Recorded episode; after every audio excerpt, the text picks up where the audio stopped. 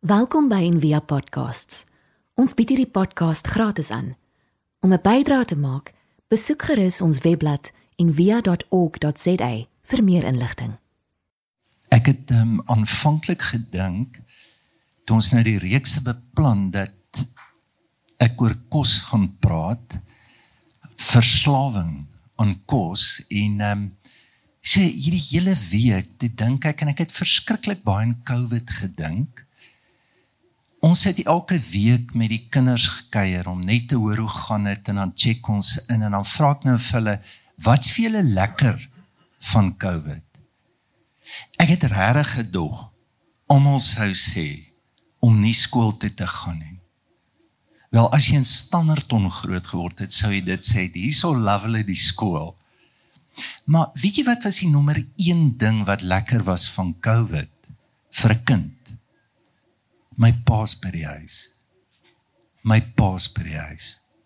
My pa's by die huis. Jy moet dit hoor. Die die wêreld het ongelooflik verander. Nou as jy in hierdie tyd en ry onthou verlede Sondag toe sê ek vir Wil, maar ek sê vir my kyk hierso. 1692. Ek sê dis dis kan die middeleeue. Ek wonder wat het jy gedoen daai tyd? Daar's nie elektrisiteit nie. Kan nie aanhou werk nie. Die natuur werk jou en jy val maar in by die ritme van die natuur. Is nog interessant, net jy sien die ou wynplase. Wat is hulle name? Welgevonden. Dankbaar, tevrede. Rust en vrede. Babylon storing klink bietjie besig hoor. Klink besig.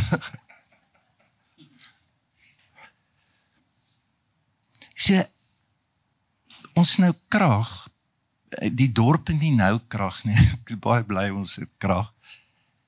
Dink net hoe die wêreld verander met elektrisiteit en dan ook ons fascinasie met elektrisiteit. Die God Thor donder weer.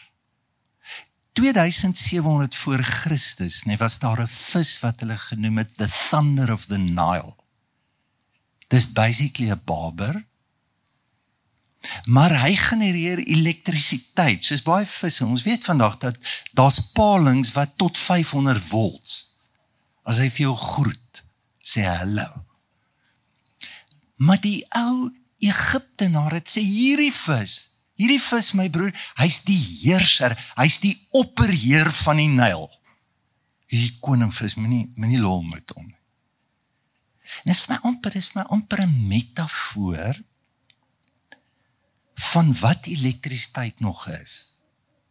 Sorg. En want wat doen hy? Hy help jou om vinniger, beter, langer, meer te doen. Ons kan nie sonder hom nie. En so is dit die doel van werk. Is is dit die doel? Nee nee. Die doel van werk is om soos God te wees, want hy werk. Ons 'n paar keer wat Jesus sê my Vader werk en ek werk tot nou toe. Matteus 11 sê walk with me, work with me, work with me. Watch how I do it. Sy uitnodiging vir 'n ander werk. 'n manier van werk. God werk en dan rus hy. En dan sê hy: "Dis wel. Ek is tevrede. Wel tevrede." Dit is amazing. Sien jy hoe dit so? Hierdie is so great wat ek in 7 dae gedoen het. Ek gaan nog 49 dae skep. Dink net hoe amazing gaan dit dan wees. Kyk wat het ek in 7 dae gedoen. Ons gaan aan. Is dit dit werk nie so nie.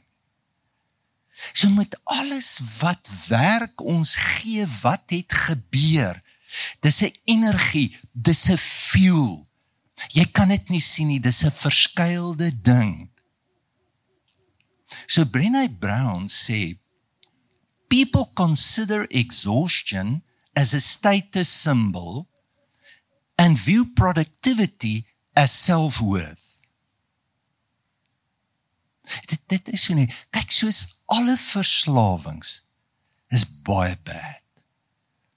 Maar 'n werkulus soort van is amazing. En daai woorde hy's 'n selfgemaakte miljonair. Dis so selfgemaak. En en en dis 'n ding wat as jy moeg is en jy werk daar is amper amazing wat jy doen. Dis die enigste verslaan ons love it, né? Nee? Maar ons rol ons oë hy het 'n drankprobleem. Heavy. Kan nie ophou nie. En wat doen ons met sulke mense wat sulke verslaangs het? Ons het klinieke vir hulle. Né? Nee? Ons het ondersteuningsgroepe vir hulle. Ons het programme vir hulle. Ons het terapie vir hulle. En, en gebed ook. Maar maar niemand gaan sê hallo, my naam is Pietie. Ek is 'n werkolus. Jy moet my help asseblief. Niemand. Dit is nie dis nie in ons verwysingsraamwerk nie. So Henry Nouwen het gesê werk is soos 'n tas. Maar 'n tas is net hopeloos te swaar. Maar jy dra hom en jy pak vir hom en jy pak daai nateskem en pak hom. Dit is ook nou nie meer baie goeie voorbeeld nie van die werkoliste tasse met wielietjies uitgevind. Dis nie so moeilik nie. So ons te woord vir dit as jou tas te swaar word. Wat sê ons? Uitbranding. Hy het uit uitgebrand. So as jy doodgaan in Japan en jy lê in die lijkshuis, dan kan daar 'n kaartjie om jou toon hang en op jou toon gaan daai kaartjie gaan daar staan Karoshi. Dit beteken work through death. Jy het jou dood gewerk. Net so kantnota hoorie jy is oorbesorg. Jy word gedryf deur 'n onbeheerbare motivering hier binnekant. Passion. En jy gee die meerderheid van al jou energie, alles wat die meerderheid gee aan jou werk. En nie aan vriende nie. Nie aan jou stokpertjies nie.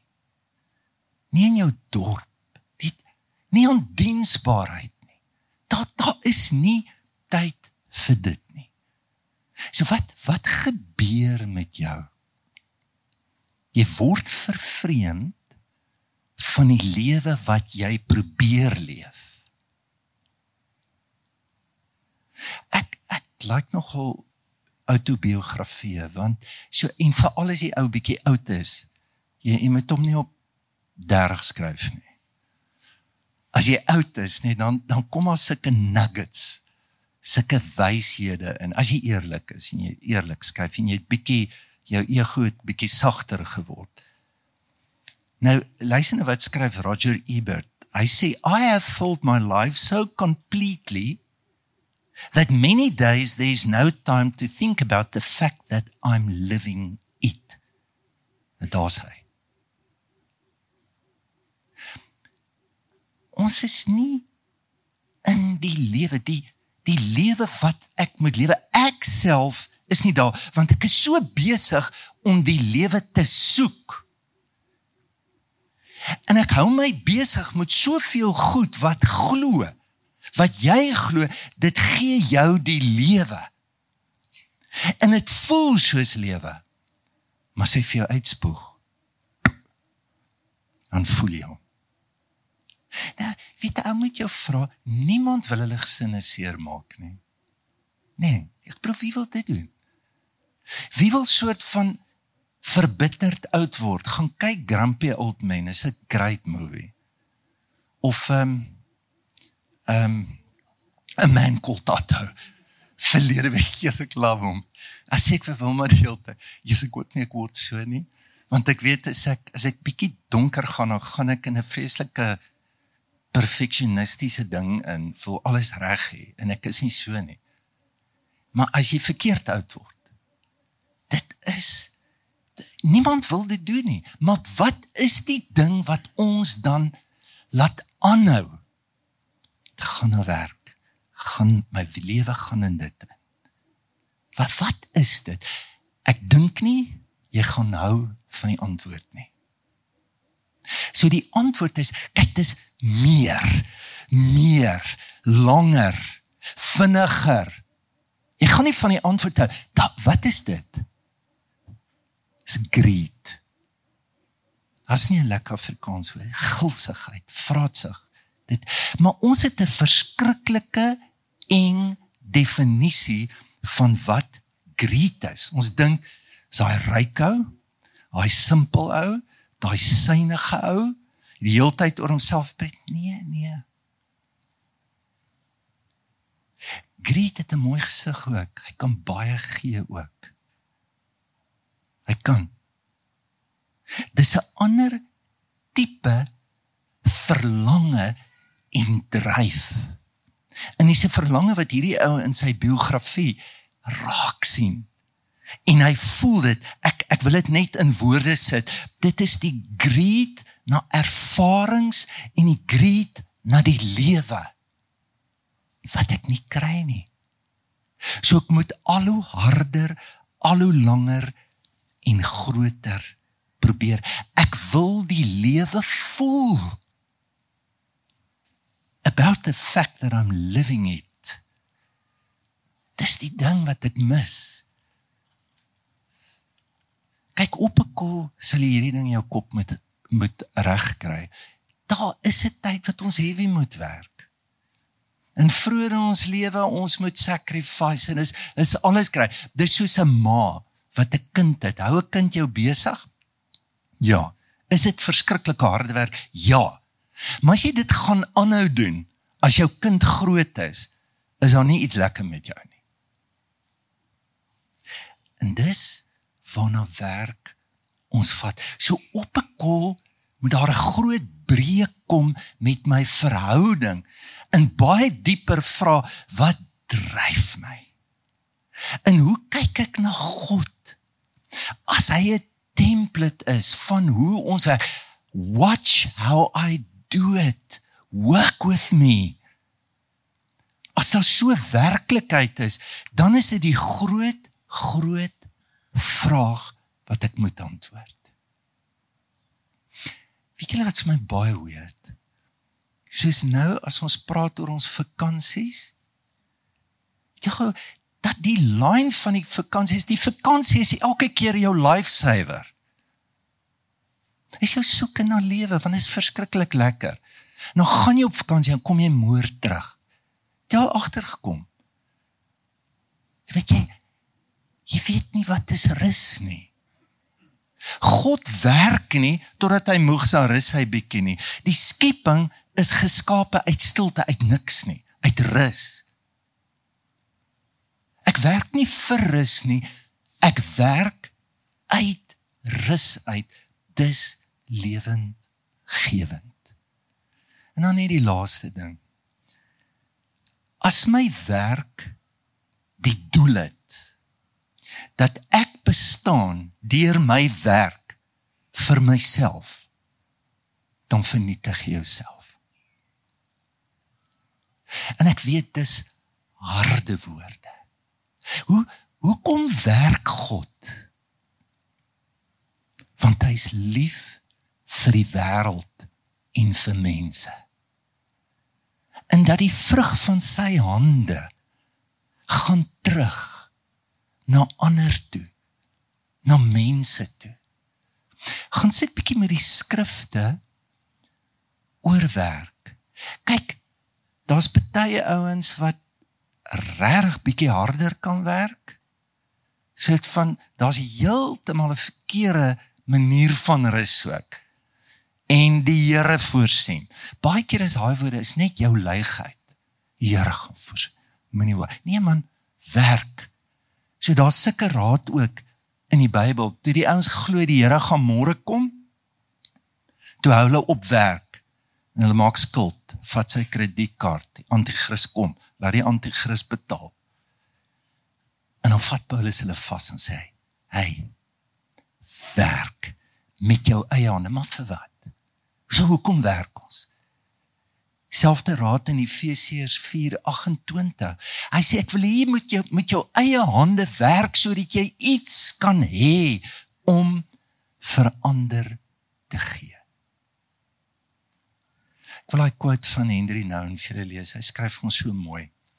Hy sê our lives often seems like a overpacked suitcases bursting at the seams.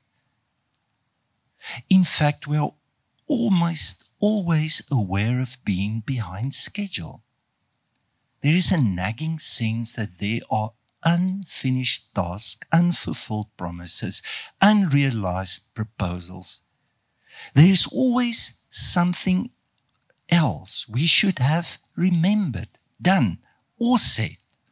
There are always people we did not speak to, write to, or visit.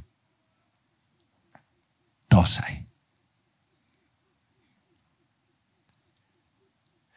Brian Dyson, hy was die MD van Coca-Cola.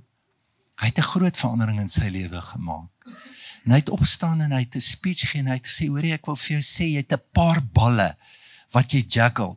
Jy het familie, jy het werk, jy het vriende, jy het gesondheid en die ander een het hy gesê spirit, you've got spirit." Hy sê as hy balle val, moenie worry oor werk nie. Dis rubber. Daai bal hop terug. Hy sê die ander is glas. So wil jy oud word. Ek sien dit baie keer, ek werk daarmee. Ek het alles, maar ek het nie diep verhoudings nie. Ek het eintlik nie vriende nie. Ek het vriende gehad op 'n kol. Ek sukkel maar verhoudings in die familie van die, hoe wil jy oud word? Ek het ek het nie meer 'n liggaam, ek het nie meer gesondheid nie. Ek het hom gesacrifice in my werk.